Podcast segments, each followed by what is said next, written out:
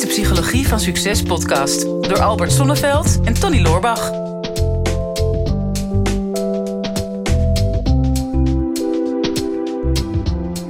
Ja, Tony, ik vond toch wel dat het weer een keer eh, er tijd voor was, eerlijk gezegd. Was er tijd voor? Ja, tijd voor bezinning. Bezinning. Ja, Maar het is echt merendeel van onze podcast gaat daarover, hè? ja maar ja, meestal wordt er, eh, ja, praten we over bezinning en, en geven we goede tips over bezinning en persoonlijke ontwikkeling. Maar ik dacht, ehm, ja, het is altijd wel leuk, maar misschien ben ik zelf ook wel eens een keer aan de beurt om eens een keer weer helemaal in de stilte te zijn. Mhm. Eh, dus ik had voor mezelf ehm, een retreat eh, geboekt en die, en die heette Deep Rest. Niet, Deep rest. Ja, niet te ver- verwarren met depressed. Oh, Want ja, dat kan natuurlijk ook. In plaats het van. was eh, wel de bedoeling dat het een woordgrap was van depressed en depressed. ja, ik vond hem wel een eh, leuke woordspeling, eerlijk Ja. gezegd. Dat is het ook. Spreek ja. het als een expert. Dat is steeds wel goed. Ja, zeker. En ik moet je zeggen, ik, volgens mij ben ik niet zo heel erg gevoelig voor depressie. Ik ben van nature nogal een eh, blij ei. Mhm. En ehm, nou, los van alle mensen die een depressie kunnen hebben, waarbij er andere pathologieën aan de hand zijn die, ehm, die verder gaan dan alleen maar een, een, een optimistische en blije mindset. Maar ik dacht, nou, we zitten nu een beetje in de donkere tijden van het jaar. Ehm, lange nachten, korte dagen. Veel mensen komen ook in een winterdepressie terecht. En ik dacht, nou, laat ik dat nou eens gaan onderzoeken. Mhm. Kan ik het licht in mezelf vinden? Ja. Oké, nou, dat klinkt heel interessant. Ja. Ja, En daar heb je een retraite voor gevonden. en daar had ik een retraite voor gevonden. Bij eh, Jeff Foster. Eh, ik kan hem van harte aanbevelen. Hij is een, eh, een Engelsman, een hele interessante persoon. Mhm. Ik moet je zeggen, ik ben zelf niet zo van de goeroes. Ehm, die heb ik ook allemaal wel onderzocht. Gelukkig onze Jeff Foster zelf ook niet. Dus dat is altijd wel boeiend. Hij zegt, probeer vooral de goeroe in jezelf te vinden. En Mhm. niet te veel bij, naar externe mensen te luisteren. Hij noemt dat ook eh second-hand words. Vind ik ook wel een mooie. Hij zegt alles wat mensen vertellen of wat mensen schrijven. Dat zijn natuurlijk hun eigen ervaringen. Mhm. Ehm, maar ja, dat is dus tweedehands zijn tweedehands ervaringen en tweedehands eh, woorden van een ander. En het is de bedoeling dat je je eigen ervaringen, je eigen woorden gaat vinden. Nou ja, en toen hij dat tegen jou zei, had jij zoiets van, dat maak ik zelf wel uit. ja, nou, dan ga ik in ieder geval zelf eens ervaren of dat zo is. Ja, precies. Ehm, dus dat was wel, eh, wel interessant. Ik zat in een, eh, in een kasteel in, in de Ardennen. Ehm, ja, en de Ardennen, zeker in de winter, is nou niet zeg maar het meest opwekkende. Ik zit liever in de zon, maar het was grijs, nat, koud, regenachtig. Het meer wat voor het kasteel lag was ongeveer 6 graden. Ik ben er wel iedere dag ingesprongen. Lekker. Laat ik mezelf in ieder geval die kikkers geven. Mhm. Maar het is toch wel weer boeiend. Het was een internationaal gezelschap. Ongeveer eh, 42 mensen uit, eh, uit Amerika, Canada, Frankrijk, Duitsland, Engeland, België, Nederland. En ja, wat gebeurt er dan uiteindelijk? Als je in zo'n op zich wel een vrij sobere omgeving, kunt zeggen een kasteel, maar het was eh, nou, toch wel behoorlijk ascetisch. Want nou ja, zo'n kasteel kan bijna niet verwarmd worden. Dus je zit een beetje te verkneukelen bij de, bij de open haard Mhm. de verwarming, eh, die deed het volgens mij al lang niet meer. Mhm. Maar ja, en dan, dan ben je daar. En ik heb mezelf voorgenomen, oké, ik ga voor de full package. Ehm, en wat ga ik van mezelf tegenkomen? Mhm. En er was eigenlijk wel een hele mooie, strakke structuur. Dus eh nou, s morgens om half acht eh, yoga tot negen uur, anderhalf uur yoga. Nou, gelukkig, dankzij eh, mijn ervaring bij eh, yoga studio Ellens, Mhm. heb ik toch wel, eh, kan, ik, kan ik mee. Dus daar was ik al blij mee. Ja. Ehm, waren het niet dat ik eh, een aantal dagen daarvoor door mijn rug heen was gegaan. Dus Mhm. ik denk, oei, hoe, hoe ga ik me daartoe verhouden? Ik vond het heel lastig om aan mezelf toe te geven van oei, ik ben een beetje gebrekkig op dit moment. En, mm, Maar dat is, dat is toch juist het vraagstuk van yoga, Ja. of juist de bedoeling. Dus dat je er niet met een soort van competitiedrang in gaat of met het doel om het perfect te doen. Maar dat de sleutel is toch juist je overgeven aan wat je lichaam op dat moment kan en nodig heeft. Ja, nou dat klopt helemaal Tony, Hm. in theorie. Ja, nou, ik, ik weet er niet zoveel van, maar dit, dit, dit- hier was ik ook tegen aangelopen. Ja, ja. Ik heb begin dit jaar natuurlijk de yoga challenge met Elvira gedaan. Hmm. En eh, als je net met yoga begint, zeker als man zijnde, dan heb je nog wel de neiging van, nou, ik wil het wel meteen goed doen. Hè? Ik wil, wil, niet, wil niet voor lul staan in zo'n zaal. Zeker niet als allemaal soepele dames al die bewegingen kunnen maken, dan moet ik dat ook kunnen. Nou ja, als je in zo'n strak pakje staat als man, sta je al gauw voor lul natuurlijk. Maar, ja, eh, klopt. Ja, ja. Nou, zeker als je het ook nog eens niet kan. Maar, Ja. ja. maar dat, dat was toch juist wel het inzicht van, ja, Hmm. je komt hier niet om het, om het perfect te doen. Je komt hier om, om progressie te boeken en Ja. om, eh, om weer contact te maken met je lijf. Ja, en, en daar begint het spel. Daar begint de mindfuck in Hm. feite. Hè? Want daar gaat het ego komt er dan in. Van ja, ik, ik moet toch wel mee kunnen. Eh, ik heb al ervaring. Eh, ja, ik ga me toch vergelijken. Dus dat was gelijk al een interessante oefening. Mhm. Ehm, hoe verhoud ik me ten opzichte van de groep? En er was nog iets anders bijzonders. Namelijk op die plek, op, in dat kasteel, heb ik een aantal jaren geleden zelf lesgegeven. Eh, een hele dag. Oh, En nu zat ik dus in de zaal en niet op het podium. Hm. En dat is ook wel weer een hele andere positie. Normaal gesproken sta ik liever voor de groep dan dat ik in de groep zit. Want voor de groep heb ik het gevoel dat ik nog enige vorm van controle heb. oh ja. Deze had ik niet meer. Nou ja. Ja. was- oh ja, dat ik was- ik wel, ja. Het was overgeleverd aan de goden. Was nog een extra dimensie die erbij hoorde. Plus, komt er ook altijd nog bij. In zo'n groep, tenminste dat heb ik nog al eens een keer. Dat er dus mensen zijn die mij herkennen. Hm. Eh, jij bent toch, eh, mag ik jou iets vragen? Zo begint het meestal. Mhm. Ik denk, ja, oh god, daar gaan we weer. Oh ja. Ik wil daar het liefst in volledige anonimiteit zijn. Eh, ben jij misschien Albert Sonneveld? Ja. Oh. Ik- oh god. Oh ja. Ja, mensen hebben een minder bepaald... vrij dan. Tenminste, heb je dat Ja. gevoel dan? Dat je minder gewoon helemaal alles van jezelf kan laten zien? In zo'n groep dan? Eh, ja, ja, zeker. Ja, nou ja, dat, en dan weet ik, hè, dan zeg ik tegen mezelf, ook dit is een oefening, niks van aantrekken. Juist moet ik juist helemaal laten. Mhm. Dus het ego wat dat dan weer belangrijk vindt. En ik ben meer dan het ego. Maar dat Zegt de narcist. eh, zegt ja, of Ik heb een dan- ego, maar ik ben meer dan dat. Nou, dat is, een, dat is een van de dingen die ik wel geleerd heb. Maar dat was al veel eerder voor deze retreat al. ehm, van een, ehm, ja, een psycholoog. Hij noemde zichzelf de schrijver van het boek Quantum Psychologie. En die zei wel iets heel interessants. Die zei, ehm, alles wat je denkt dat je bent, dat ben je niet. Je bent meer dan dat. Hm. En dat is wel een hele interessante. Dat is ook een hele diepe, wat mij betreft. Ja, maar dat denkt hij. Ja, ik denk dat. Eh, maar als je erover na gaat denken, dan krijg je het al. Ja, je bent Tony, maar je bent meer dan dat. Mhm. Je bent ook vriend en je bent ondernemer en nou, je bent ook partner en je bent zoon. En, dus als je, zo, als je eh, op die manier gaat denken, dan kom je erachter. Filantroop ook nog. Wat ben je? Filantroop, gaat je het te noemen. nou, dat is, nou, dan gaan we misschien nog meemaken. Doe jij het rondje sauna straks. Ja. Maar ehm, ja, en je bent meer dan dat. Mhm. Tot zelfs eh, kun je zo ver gaan dat je zegt van ja, ik, ik, ik, ik ben een ziel. En dan zou je zelfs kunnen zeggen, ik ben meer dan dat. Nou, de, de bedoeling is om dan helemaal los te komen van iedere vorm van identificatie. Als je dat doet, hè, dan ben je, ga je jezelf steeds verder afpellen. Mhm. eh, en kom je erachter, eh, ja, ik, ja, ik denk wel, ik heb wel een bepaald idee over mezelf. Maar er is altijd iets wat ik van mezelf nog niet ken. En uiteindelijk hoop je dan op het punt te komen. En dat is dan weer, hoop je, is dan weer de zoeker in jou die dan ehm, hoopt een, een keer verlicht te raken of volledig bewust te zijn of nou ja, volledig in de overgave te komen. Maar ja, die zoeker, dat is ook weer een identificatie, want je bent meer dan de zoeker. Oh ja. ja. Oké, even cirkel even terug naar het begin. Want je begon met eh, eh, winterdepressies. Ja, Eh, hè, dat je op zoek ging naar het licht in jezelf. Ja. Deze retraite. Ja. Ehm, yoga heb je genoemd. Was een stilte retraite verder.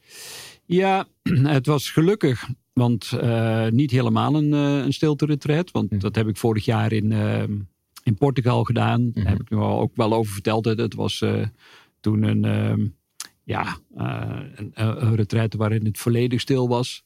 Ehm, dit, dit was gedeeltelijk stil. Dus het was een beetje een hybride vorm. Oh ja. Tijdens de maaltijden was het stil. Mhm. Dat is op zich wel fijn. Heel fijn. Maar ik kom erachter. dat- En geen gesmak.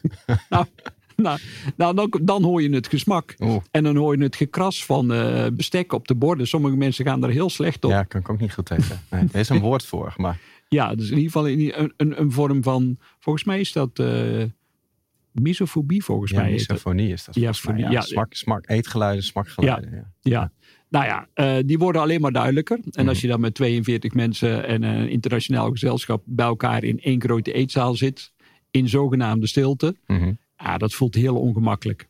Mhm. En ook dan gaat je, je brein gaat dan echt weer aan de haal met allerlei dingen. Ik, ik werd op een gegeven moment heel recalcitrant. Mhm. Want dan heb ik het gevoel dat mij iets wordt opgelegd. En daar ga ik niet zo goed op. Nou ja. Dus toen een, ehm een, een yoga-docente uit eh, Parijs, die daar ook eh, als deelnemer was, om wat voor reden ook een slappe lach kreeg tijdens die maaltijd. Ja, dan ben ik een van de eerste die mee gaat lachen. En dan Mhm. niet zo'n klein beetje. Mhm. Ook- en dan op een dusdanige manier dat ja, het hele gezelschap eh, dubbel lag over de tafel. Mhm. Ik hou er wel van. Mhm. En tegelijkertijd denk ik, ja, maar waarom, waarom heb ik dat nou nodig? Waarom moet ik dan weer de rebel uithangen? Zo, Dus Mhm. ook dat is wel weer interessant om dat van jezelf ook weer te observeren. En dat gebeurt wel in zo'n, in zo'n stilte-retreat. Er is heel weinig afleiding. Mhm. Ehm, naast de, het vaste onderdeel van de yoga, drie heerlijke maaltijden per dag in stilte. Tussendoor is er wel ruimte om te praten. Kun je lezen, eh, schrijven, maar wandelen, naar de sauna gaan. Dus dat was allemaal, op zich was dat helemaal prima. En dan ook nog drie keer per dag is er dan de Jeff Foster, die dan een soort QA, vraag en antwoord doet met de meditatie erbij. Wat, wat heeft de grootste indruk op je gemaakt uit de hele retraite? Ehm, nou, toch wel Jeff Foster zelf. Omdat een superboeiende man. Hij is heel intelligent. Heeft astrofysica gedaan. Nou, dat is een van de zwaarste studies die je maar kunt bedenken op de universiteit. Mhm. Ehm, maar was daar compleet niet gelukkig. Is door allerlei hele moeilijke, intense levensprocessen heen gegaan. Zelfs zover dat hij, dat hij op een gegeven moment zwaar suicidaal was. En ik dacht van ja, waarom leef ik eigenlijk? Mhm. En dat zie je vaak. En dat hoor je wel meer bij dat soort inspirerende mensen. Byron Katie heeft het ook volgens mij. Eckhart Tolle ook. Zijn allemaal, die zijn allemaal een beetje door een vergelijkbare fase gegaan. Dat ze zo aan die donkere, zwarte kant van het leven zaten. Dat ze echt zoiets hadden van ja, van mij hoeft het eigenlijk niet meer. Maar dat juist daar dan ergens... eh, ja, it's darkest before dawn. Hè, dan zie je in één keer dat, dat er dan een soort doorbraak komt bij die Mhm. mensen. Dan in één keer zoiets... Komen ze in een soort overgave terecht. En in die overgave... Ja, zien ze de relativiteit en de betrekkelijkheid van dingen in. Mhm. En dat, dat heb ik zelf ook wel weer meer ervaren. En denk, oh, Mhm. ja, ik, ik heb een vol leven. Ik, ik reis heel graag. Ik hou van mensen. Ik doe, ik, ik, mijn werk vind ik fantastisch nog steeds als coach. En ik vind de podcast superleuk. Eh en tegelijk denk ik, ja, ik, ik heb nog steeds op een bepaalde manier, hou ik er nog aan vast. Mhm. En wat ik wel weer ervaren heb in die retreat ook, is dat er, er eigenlijk steeds, waar gaat het mis? En waar het misgaat, of waar je weer afglijdt en weer te veel meegaat in gedachten en weer te veel meegaat in emoties, is ehm, als je ja, een bepaalde gelukservaring hebt ervaren. Dus je bent, je, je bent bijvoorbeeld heel gelukkig met je partner. Of je bent heel gelukkig met een bepaalde omzet die je hebt gemaakt met je bedrijf. Of je bent heel gelukkig met, nou ja, whatever, een geluksmoment. Dan is de neiging om daaraan vast te houden. Mhm. je, je, wil, je wil dat minstens houden of je wil er meer van. Omdat dat jou tussen aanhalingstekens geluk geeft. Mhm.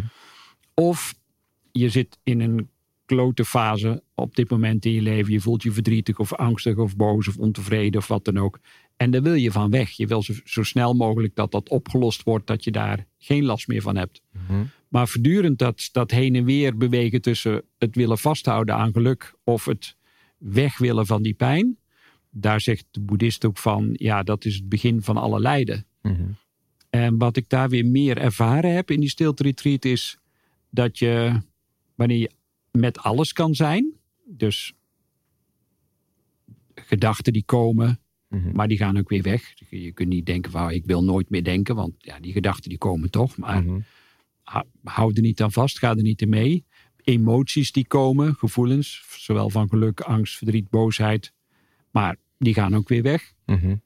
Mooie ervaringen die komen, maar die gaan ook weer weg. En verdrietige ervaringen die komen en die gaan ook weer weg. Dus er is eigenlijk niets wat permanent is. Mhm. Het enige is dat het constant verandert. Ja, want, want hè, boeddhisten stellen dat hè, de oorzaak van alle lijden is, is het hebben van een verlangen. Ja. Als ik het heel kort samenvat. Ja. Dus het verlangen naar geluk, maar geen pijn hebben is in principe dan ook een, een verlangen. Ja, dat is ook een verlangen. Maar het is wel een beetje hoe het brein werkt. Natuurlijk, hè. het merendeel van, van, je, van je oerbrein is bezig met, met, het, met name het vermijden van pijn. Ja. En in zekere zin het, het opzoeken van, van geluk. Dus toch Ja. vaak die, die balans. En dan iets meer doorgehangen naar het voorkomen van verlies, pijn, ellende. Dan, Ja, het winnen van genot. Dus dan omzeil je misschien je, je programmering.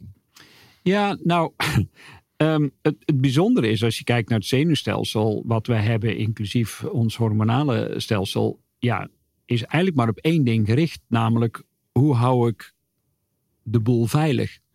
Hè, dus eh, instandhouding van de soort, dat is zo'n zo'n oer eh, overlevingsmechanisme. Dus het hele zenuwstelsel is er voortdurend op gericht om de boel veilig te houden. Dus veel van wat er in jouw brein gebeurt, heeft de oors- oorsprong in het, in het veilig of niet veilig voelen.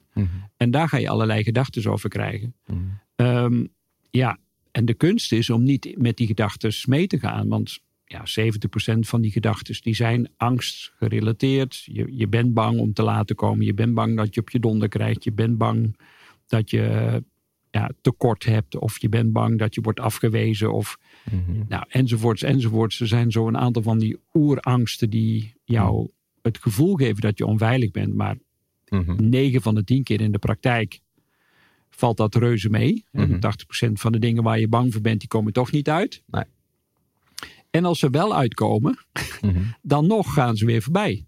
Ja. Hoe dan ook. Dan zou je eigenlijk kunnen stellen dat onze natuurlijke staat is, is er eigenlijk een van angst. Dus je bent standaard eigenlijk in angst en bezig om eh, jezelf te behoeden van gevaar. Of te behoeden van dat die angsten werkelijkheid worden. Ja, dan heb je natuurlijk wel veel verschillende vormen van angst. Maar er is op zijn minst een bepaalde alertheid. Hè? Dus, Mhm. dus, dus een onbewust voortdurend scannen van...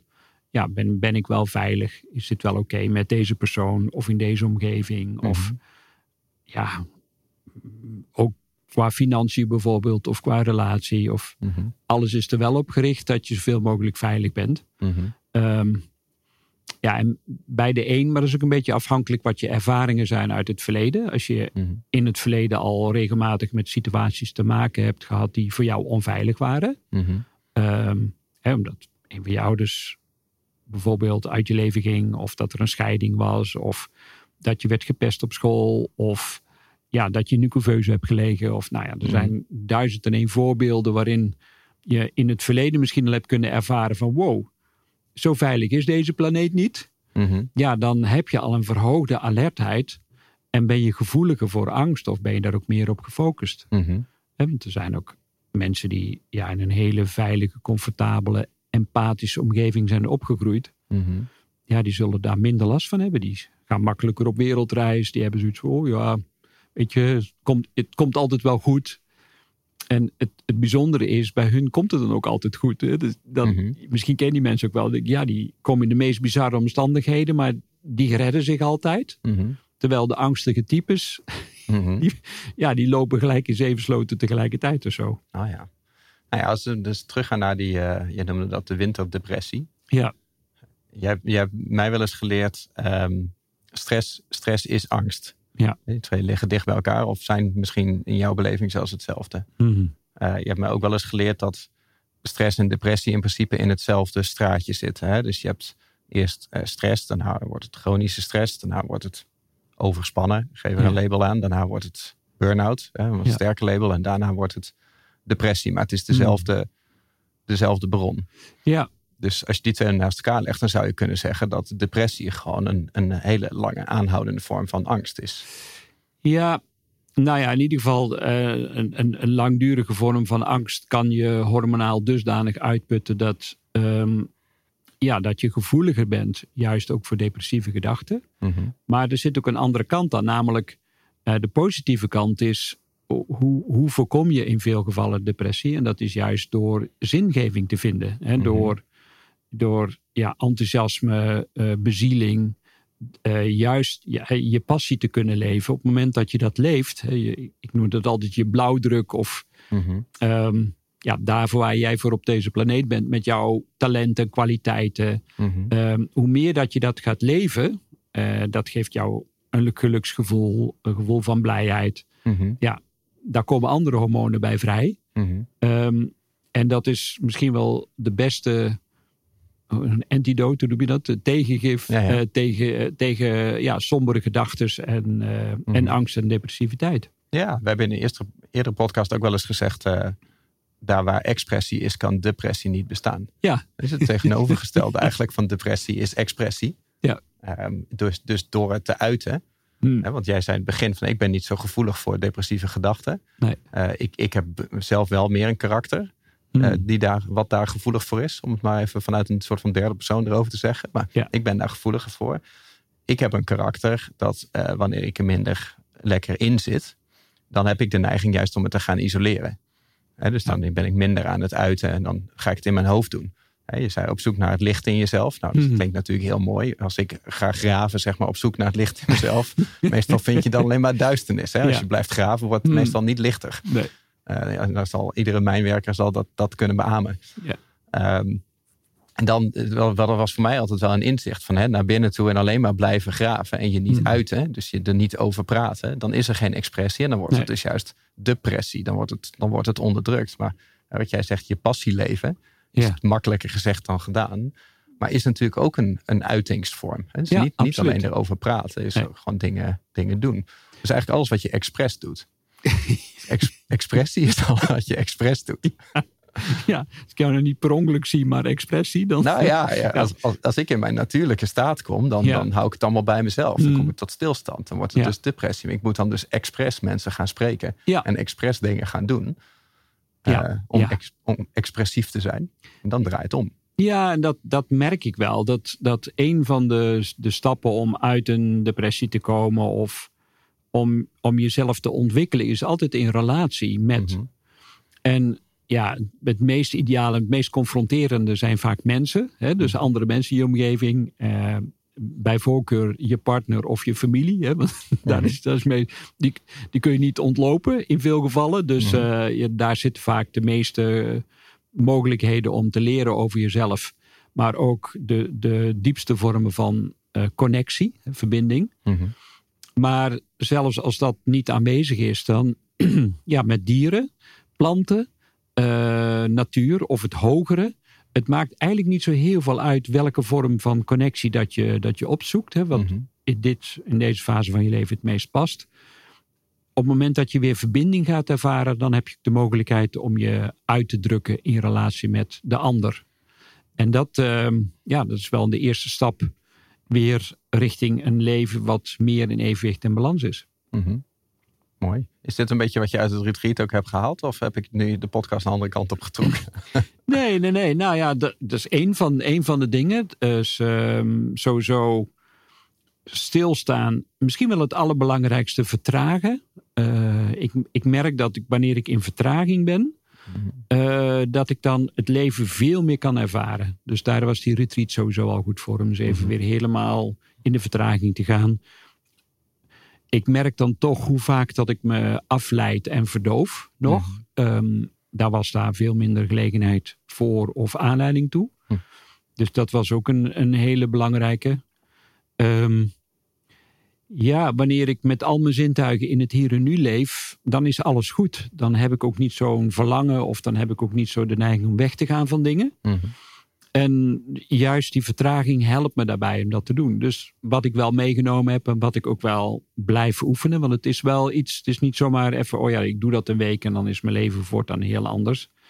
Het is net als in de gym, je moet wel blijven trainen. Mhm. En dus trainen in vertraging, trainen in met aandacht de dingen doen, mindful bezig zijn met, eh, ja, met leven.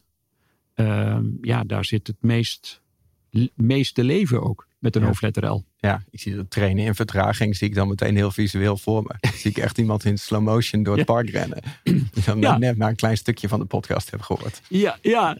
Nou ja, terwijl, ja als, je, als je kijkt in, in, in, in parken in China, dan zie je mensen Qineng Qigong doen. Hè? Dat is ultiem vertragen. Hm.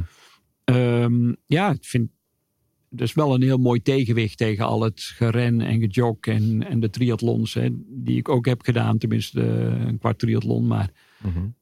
ook fijn om te ervaren. Maar ik merk wel dat ik het meeste leven ervaar in, in de vertraging. Mhm. Ja, Tja, ja, ja, je valt er een beetje stil van. Hè? ja, Nou, ik, dat- ik dacht ik ga een afsluitend woord doen. En Toen viel het zo stil, dacht ik, oh, misschien was dit de afsluiter wel. Maar Ja. dat, is, dat is het niet. Heb je nog een afsluitende noot? Of zou je het mensen aanraden, zo'n Ja. retreat? Ja. Dan naar Jeff Foster of een retreat bij jou? Want jij gaat ze ook wel weer doen volgend jaar. ja, ja, ja, ik ga ze absoluut doen. Ja. Nou ja, ik, ehm, ik, ik heb van chef Vossen begrepen dat hij voorlopig even geen retreats meer doet. Ja. Want hij, heeft net, hij is net vader geworden en wil zich volledig richten op, eh, op zijn gezin. Is een soort van foster parent? Is? Ja, die heeft hij volgens mij zelf nog niet bedacht. Maar eh, Ja, stuur maar app, even- app maar even door. even doorsturen. Maar ja, ja, ik ga zelf retreats geven. Ja. En ehm, dus dat komt, eh, binnenkort komt daar een link van eh, op de website Mhm, te staan. En eh, alle luisteraars en kijkers, die gaan we daarvan op de hoogte brengen, uiteraard. mhm. Want ehm, ja, een belangrijk deel van de ervaringen die ik heb opgedaan, die wil ik natuurlijk weer heel graag delen met de mensen die er aan toe zijn. Ja, nou, lijkt me de perfecte afsluiting. Dit is de Psychologie van Succes podcast door Albert Sonneveld en Tony Loorbach.